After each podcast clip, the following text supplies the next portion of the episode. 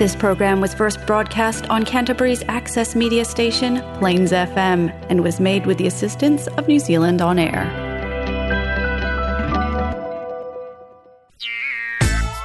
It's now time for Namaste Nepal, featuring Nepalese music, news, and language on Plains FM 96.9. Namaste Nepal. Namaste Nepal.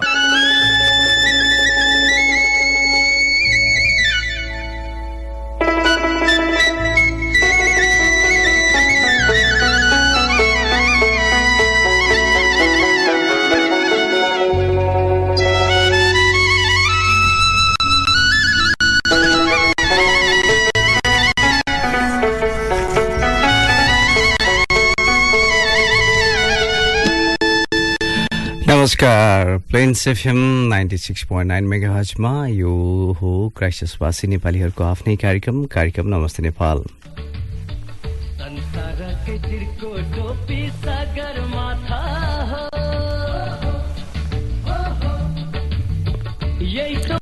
हजुर श्रोताहरू कस्तो हुनुहुन्छ? बेलुका अलिकति चिसो बढिरहेको छ। मध्यरात हुँदै गर्दाखेरि र बिहान उठ्दाखेरि चिसोको मनज्ञ हामीले अनुभव गर्न पाएका छौँ र गर्नुपर्ने विन्टर हो।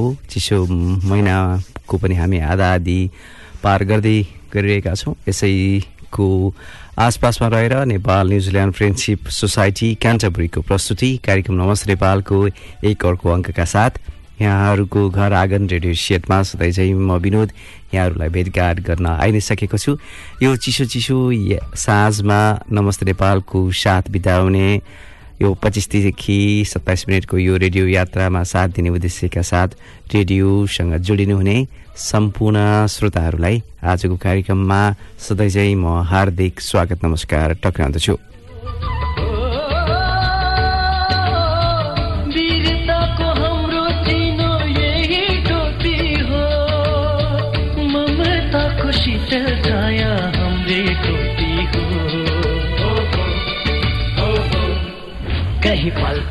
हजुर श्रोता यस्तै खालका सुखद सन्देशहरू हामीलाई सेयर गर्ने उद्देश्य हुन्छ रहरहरू हुन्छ। सधैँ रहरहरू त रहरकै रूपबाट पनि रहन्छ।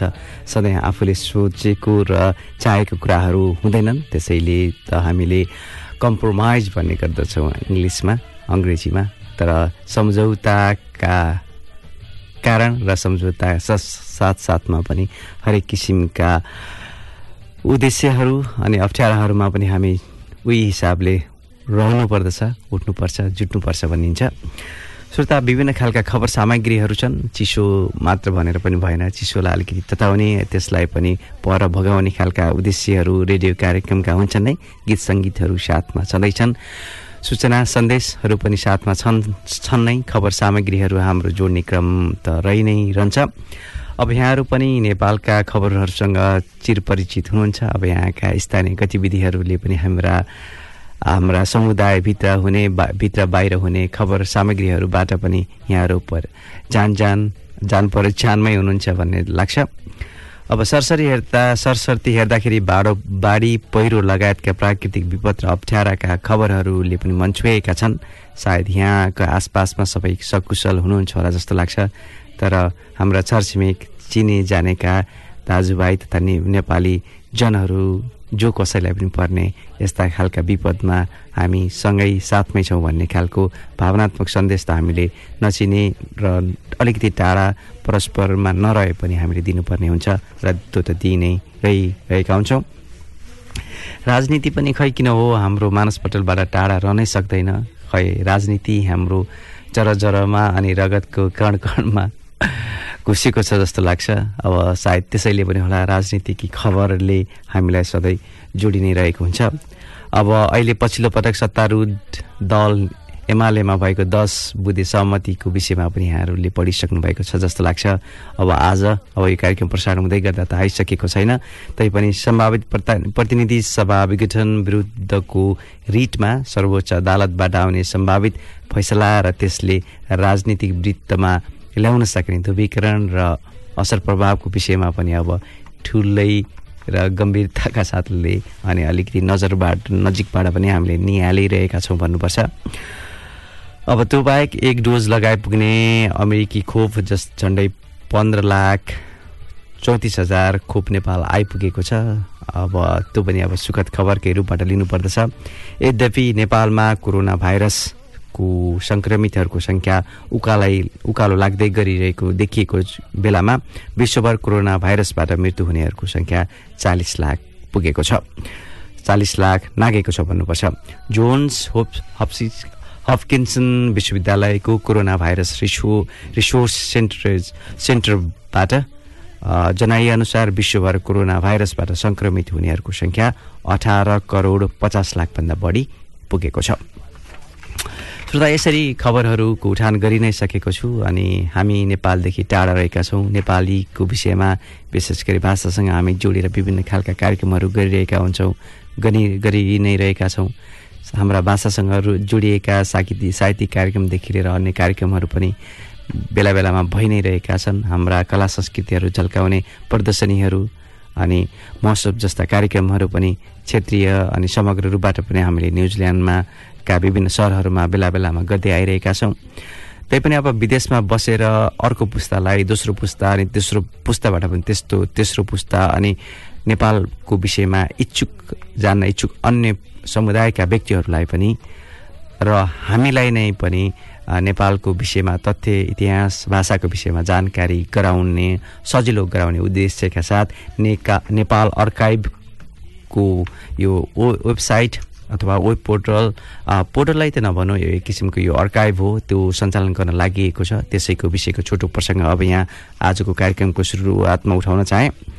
श्रोता संसारभर रहेका नेपाल सम्बन्धी ऐतिहासिक दस्तावेज अब अनलाइनबाटै हेर्न पढ्न र सुन्न सकिने भएको छ। त्यसका लागि Nepal archive dot ORG website निर्माण भइरहेको छ। संसारभर रहेका नेपाल नेपालका सम्पूर्ण अभिलेखहरूको डिजिटल अभिलेख नेपाल अर्काइभमा राखिनेछ। जसले गर्दा नेपाल सम्बन्धी कुनै पनि विषयमा अध्ययन र अनुसन्धान गर्नेहरूलाई सहयोग सहज पुर्याउनेछ। नेपाल अर्काइभको अर्काइभको निर्माणमा जुटेका मध्येका एक हुन् अजय मणि पौडेल। उनका अनुसार नेपालको इतिहास वा कुनै पनि विषयको खोज अनुसन्धानका लागि नेपाल अर्काइभमा उपलब्ध सामग्री प्रयोग र पर्याप्त हुने विश्वास गरिएको छ। नेपाली भाषा बचाउन नेपाली इतिहास जोगाउनका लागि जोगाउन र नेपालको इतिहासबारे विश्वलाई थाहा दिन विगत तीन वर्षदेखि नेपाल अर्काइभको काम भइरहेको छ। त्यस्तै श्रोता उनै पौडेलले भाषासँग सम्बन्धित काम गर्न एल एनएलपी अथवा natural natural language processing hub समेत स्थापना भइसकेको छ। श्रोता नेपाल अर्काइभ सार्वजनिक भएको केही समयपछि मोबाइल एप सार्वजनिक हुनेछ र नेपाल अर्काइभ निशुल्क अकाउन्ट खोलेर प्रयोग गर्न सकिनेछ। साथै नेपाल अर्काइभ सुरुमा नेपाली र अङ्ग्रेजी दुवै भाषामा प्रयोग गर्न सकिने खालको आउनेछ र पछि आवश्यकता अनुसार अन्य भाषामा समेत थप गर्दै जाने उद्देश्य लिएको छ। नेपाल अर्काइभको निर्माणमा जुटेका मध्येका अझै मणि पौडेल लगायतको समूहलाई धेरै धेरै बधाई अनि शुभकामना छ। हुन त त्यसलाई त्यो अर्काइभमा राख्ने सामग्रीकोलाई कसरी संरक्षण गर्ने विषयमा पनि अलिकति चुनौती अनि साथ सहयोगको अपेक्षा। सो सो अभियानको क्रममा अथवा सो अर्काइभको आशा रहेको खबर पनि सार्वजनिक भइ नै सकेको छ। यसरी आजको कार्यक्रमको सुरुवातमा यहाँहरूलाई यो नेपाल र नेपालीसँग विशेष गरी गरी नजिक हुने र समग्र अध्ययनको चासोको विषयलाई समेटिने नेपाल अर्काइभको यो प्रसङ्ग उठाइसकिसकेपछि अब यहाँहरूलाई एउटा गीत प्रस्तुत गर्न लागिरहेको छु। यो गीत पछि फेरि पनि बाँकी रहेका प्रसङ्ग उठाउने नै छु। अहिले नै भने यो गीत यहाँहरूको लागि प्रस्तुत गर्दैछु।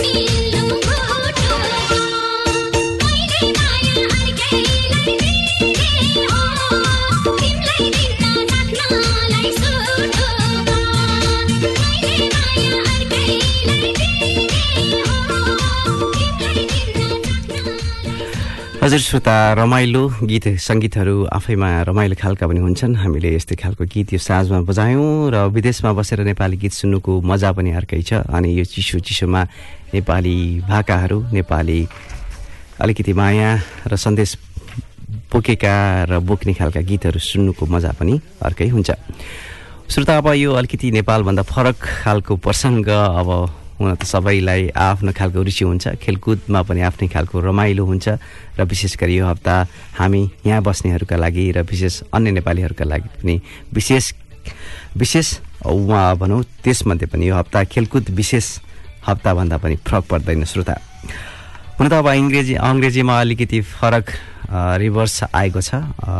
It has gone to Italy अथवा फुटबल अहिले इटाली वा भनौँ रोममा फर्किएको छ। घरेलु मैदानमै इङ्ल्यान्डलाई प्लेन पेनाल्टी सुटआउटमा तिन दुई गोलको अन्तरले पराजित गर्दै इटलीले युरो कप दुई हजार यसपालिको दुई हजार बिसको एक्काइसको उपाधि जितेको छ। अर्कोतर्फ ब्राजिलमा भएको सत्तालिसौँ संस्करणको कोपा अमेरिका फुटबल मा ब्राजिललाई नै फाइनलमा पराजित गर्दै अठाइस वर्षपछि पछि अर्जेन्टिना च्याम्पियन बनेको छ र अन्तर्राष्ट्रिय प्रतियोगितामा विजेता विजेता बनाउन नसकेको अर्जेन्टिना टोलीका मेसीको लागि पनि यो एक फरक खालको र एउटा उपलब्धिमूलक कोपा अमेरिकी फाइनलको उपाधि बनेको छ। त्यस्तै श्रोता टेनिस पनि फुटबल सँगसँगै टेनिस पनि आएको छ। विश्व नम्बर एक खेलाडी नोभाग जोको जोकोभिजले पहिलो सेट गुमाए पनि त्यसपछि पुनरागमन गर्दै सातौँ वरियताका इटालियन खेलाडी माटेओ बेरेटिनीलाई बेरेटिनीलाई पराजित गर्दै छैटौँ पटकको उमेल्डनको उपाधि जितेका छन्। श्रोता यस उपाधिपछि जोकोभिचले सर्वाधिक बिस ग्रान्ड स्लाम उपाधि जित्ने स्विस रोजर फ्रे फेडेरर र स्पेनिस राफेल नाडलको कृत्यमानी समेत बराबरी गरेका छन्। चौतिस वर्ष जोकोभिचले यस वर्ष अस्ट्रेलियन ओपन र फ्रेन्च ओपन समेत जितिसकेका छन् र उनले ओभरअलमा कुल जम्मा नौ पटक अस्ट्रेलियन ओपन तीन पटक युएस ओपन र दुई पटक फ्रेन्च ओपन जितिसकेका छन्। अब जोकोभिचले यस वर्षको युएस ओपन जिते भने एक क्यालेन्डर वर्षमा चारवटै ग्रान्ड स्लाम जित्ने रेकर्ड राख्नेछन् जुन बाहन्न वर्ष अगाडि रोड लेभरले राखेको कीर्तिमानीसँग बराबर हुनेछ। अब श्रोता यो त अन्तर्राष्ट्रिय खेलकुदले नेपालीहरूलाई जोडेको कुरा भयो तर अब हाम्रो क्राइसिसमा पनि आफ्नै खालको खेलकुद सम्पन्न भएको थियो हप्ता। ब्याडमिन्टनको कुरा पनि छ श्रोता एनएनजेड एफएससी ब्याडमिन्टन प्रतियोगिता दुई हजार एक्काइस पनि गत आइतबार सम्पन्न भएको छ जसमा अन्नपूर्ण अन्नपूर्ण समूहतर्फ इन्दु दाल र परम्परा कोइरालाको जोडीले सृजना श्रेष्ठ र जया तिवारीको जोडीलाई पराजित गर्दै फाइनलमा उपाधि जितेको छ। भने त्यस्तै आउराखी समूहमा मन्जु नेउपाने र यमुना यादवको जोडीलाई जोडी रनर हुँदै गर्दाखेरि महेश धामी र प्रकाश अर्यालको जोडी विजेता बनेको छ। त्यस्तै अलिकति खारिएको ग्रुप मानेको ग्रुप सगरमाथातर्फ राजेश खत्री र ऋषभ ढकालको जोडी र रिबु ढकाल र दीपक रिबु ढकाल र दीपक चौहानको जोडी फाइनलमा पुगेकोमा रिबु ढकाल र दीपक चौहानको जोडी फाइनलमा विजयमा विजय बन्दै सगरमाथा समूहतर्फ तर्फ यसपटकको च्याम्पियन बनेका छन्। यसरी एनएनजेड एफएससी ब्याडमिन्टन प्रतियोगिता दुई हजार एक्काइसमा सहभागी हुने सम्पूर्ण खेलाडीहरूलाई हृदयदेखि नै धन्यवाद र आयोजकहरूलाई पनि मुरीमुरी धन्यवाद दिनै पर्दछ। त्यस्तै विजेता टोलीलाई पनि धेरै धेरै बधाई अनि अनि विशेष धन्यवाद आजी बाजी रेस्टुरेन्टका कृष्ण हरि सापकोटालाई प्रतियोगिताको मा प्रतियोगिताको लागि खाना प्रयोजन गरिदिनु भएकोमा श्रोता यसरी उत्साहजनक का साथ यसपालिको ब्याडमिन्टन प्रतियोगिता पनि सम्पन्न भएको छ र खेलकुदमा हामीले टेनिस र फुटबलको कुराले पनि कोप कोपा अमेरिका र युरो कपको कुरा अनि टेनिसको यो जोको बिजले अहिले पछिल्लो पटक जितेको विमिल्टनको उपाधिको विषयले पनि खेलकुदमय बनायो भन्ने प्रसङ्ग हामीले आज जोडिनै सक्यौँ। अब श्रोता हामीले विदेशमा बस्दाखेरि भाषाको कुराहरू पनि गर्ने गर्छौँ अनि साहित्यका कार्यक्रमहरू पनि हुन्छ। अब अब हामी झन्डै झन्डै लामो समयदेखि नै नेपाली साहित्य समाज न्युजिल्यान्डको संयोजनमा अलिकति पर्यायमा अलिक प्रयोगमा कम भएका र हामीले अलिकति बिर्सिँदै गएका खबरहरूको खबरहरूको विषयमा हामी जानकारी गराइ नै रहेका छौँ। विशेष गरी यहाँ शब्दहरूको नेपाली शब्दको तात्पर्यको विषयमा हामीले जानकारी यहाँहरूलाई गराउँदै आइरहेका छौँ। यसै क्रममा आज झुत्तिनु र दौडारिनु दुईवटा शब्दहरूको तात्पर्य लिएर आएको छु। श्रोता झुत्तिनु भन्नाले मकैका घोगा वा अन्यका डाँठ आदिलाई गाँठो पार्नु जुत्तो पार्नु र जुत्तो लाग्नुलाई जुत्तिनु भनेर भनिन्छ।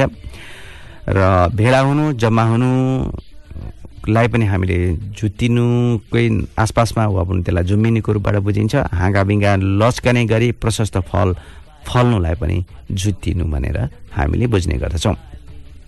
त्यस्तै श्रोता दौडारिनु भन्नाले यो कुनै काम काज नगरिकन यताउति डुल्नु दौडारिनुलाई पनि हामीले दौडारिनुको रूपबाट बुझ्दै आएका हुन्छौँ जुन अलिकति कम प्रयोगमा हुन्छन्। फटफटाउँदै वा फटफटाउँदै यताउति लखरिनु वा काम नगरिकन डुल्नुकै कुरा हुन्छ यो। यसलाई पनि दौडारिनुको रूपबाट हामीले बुझ्ने गर्दछौँ। यसरी हामीलाई आजका यी शब्दको तात्पर्यहरू उपलब्ध सौजन्य उपलब्ध गराइदिनु भएकोमा नेपाली साहित्य समाज न्युजिल्यान्डलाई पनि हृदयदेखि नै धेरै धेरै धन्यवाद दिन चाहन्छु। त्यस्तै श्रोता हामीले अब यस हप्ता परेका विशेष दिनहरूको विषयमा पनि हामीले उठान गर्ने गर्दै आइरहेका छौँ। अब जुलाई तेह्र तारिक वा भनौँ उन्नाइस उन्तिस असारको दिन पनि अब विशेष नेपाली साहित्य भाषा साहित्यमा विशेष दिनको रूपबाट लिँदै आइरहेका छौँ र यसपालि दुई सय आठौँ भानौ जयन्ती पनि परेको छ। कवि भानुभक्त आचार्य जसले भावनाको मर्मलाई नेपाली भाषा र शब्दको मानचित्रमा अभिव्यक्त गर्न सिकाएका सिकाएका हुन् भनेर विश्वास गरिन्छ। तिन त्यसैले पनि भानुभक्तलाई आदि कवि भनेर हामीले बुझ्ने गर्दछौँ। विक्रम सम्मत अठार सय एकहत्तरमा अहिलेको तनहुँ जिल्लाको चुदी रम्गा भन्ने ठाउँमा भानुभक्त आचार्यको जन्म भएको थियो। त्यसैले श्रोता उनको विषयको कुरा गर्दाखेरि उति बेला कविताहरू र औपचारिक साहित्यहरू संस्कृत भाषामा हुने गर्दथे भने भानुभक्तले उति बेला सम्पूर्ण रामायणलाई नै संस्कृतमा सरल नेपालीमा लिपिबद्ध लिपिबद्ध गरिदिएका थिए। अचम्मको कुरा त के छ भने श्रोता अनुवाद गरिए तापनि नेपाली संस्करणको र रामायण अलौकिक रूपमै छन्द र भावको दोभान जस्तो छ। भानुभक्तको जीवनमा एकजना घाँसीले प्रेरणा दिएर समाजका लागि केही गरौँ भन्ने भाव जगाएको को कुरा पनि हामीले सुन्न पाउँछौँ र श्रोता भानुभक्तको निधन भएको झन्डै तेइस वर्षपछि उन्नाइस सय अडचालिसमा मा कवि भानुभक्तको जीवन चरित्र नामक पुस्तिका प्रकाशित गरेर मोतीराम भक्तले जनतामा भानुभक्त आचार्य र उनको योगदानलाई चिनाउने प्रयास गराकिया गरे सुरु गरेका थिए र जुन पछि गएर सम्भव समेत भयो र अहिले हामीले यसरी यसरी भानुभक्तलाई पनि चिन्ने र बुझ्ने मौका पाएका छौँ।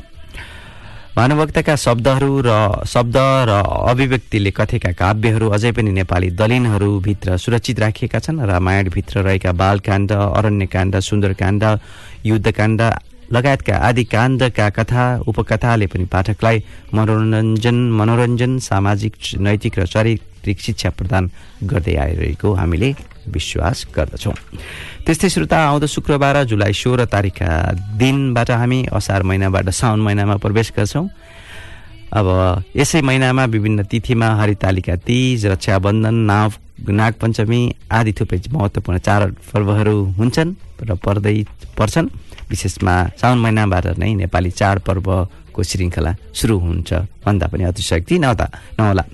यो बाहेक श्रोता कृषि वा अनि कृषि कार्यको यस महिनामा पानीमा भिज्नु माटोमा जोतिनु अनि हिलो छिटिनु लगभग सामान्य जय हो जुन असार महिनादेखि नै सुरु भएर आउँछ। यसर्थ गर्मी वर्षाको यो असरले वर्षाको महिनामा चर्म र छाला सम्बन्धी सम्बन्धी रोगहरू जस्तै लुतो दाँत घमौरा वा या भनौँ अन्य खालका खटिराहरू आउने सम्भावना अत्याधिक हुन्छ। त्यसैले साउन महिनाको पहिलो दिन साइने सङ्क्रान्तिको दिन लुतो फाल्ने दिनको रूपबाट पनि हामीले लिँदै र बुझ्दै आइरहेका छौँ।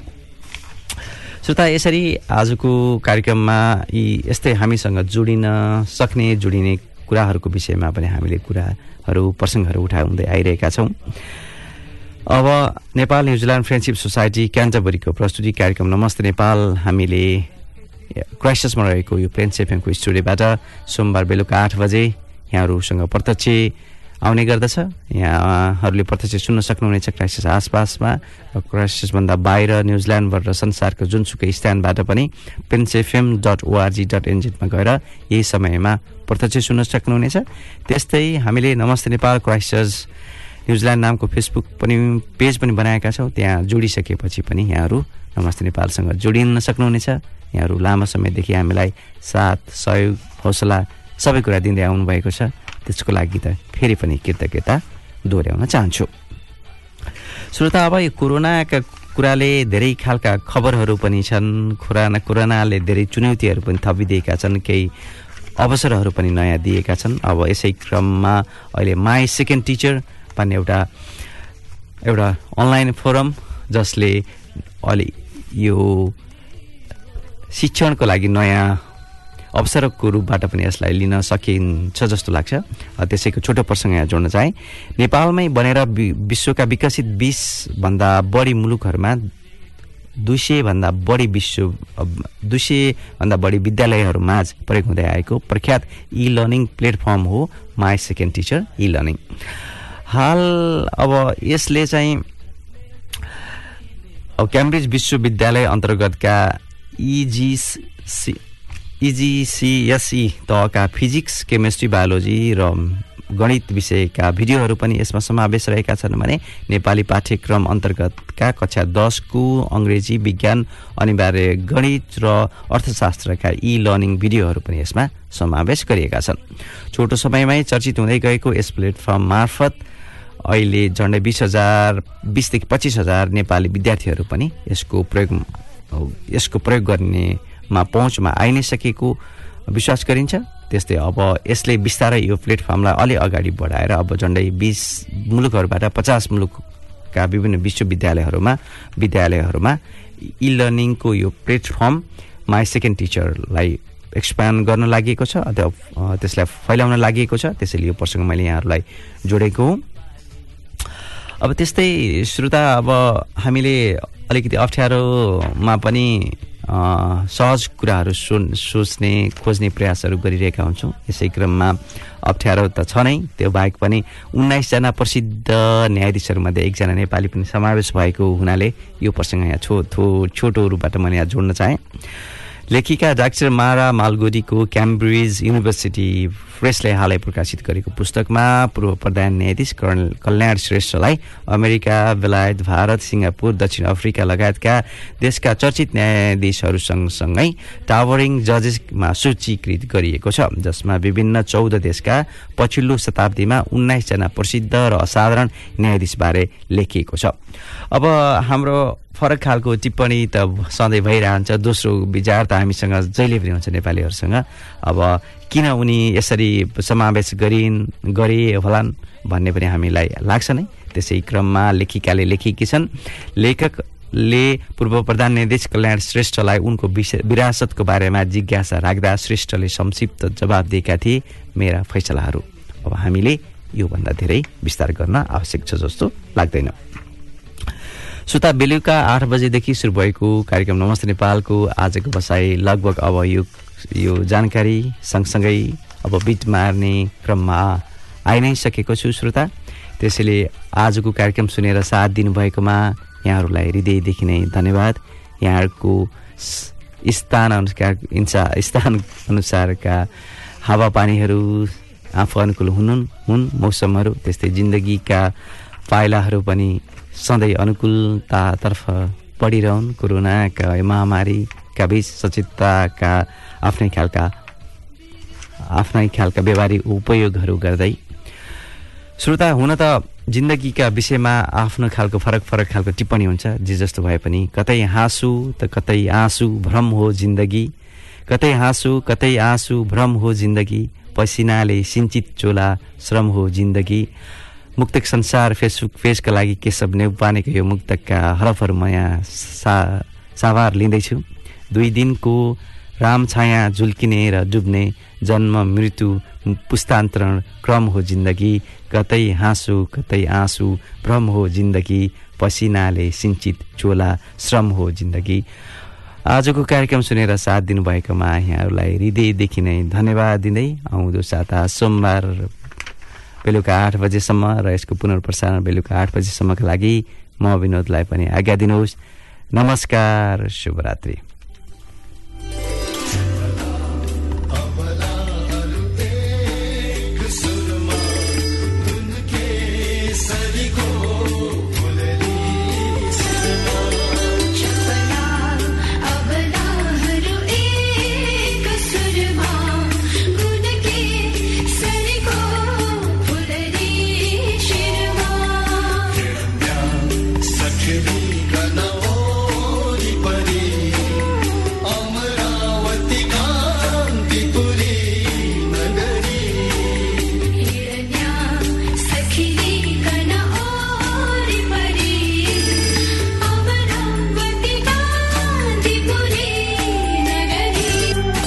नमस्ते नेपाल नमस्ते नेपाल।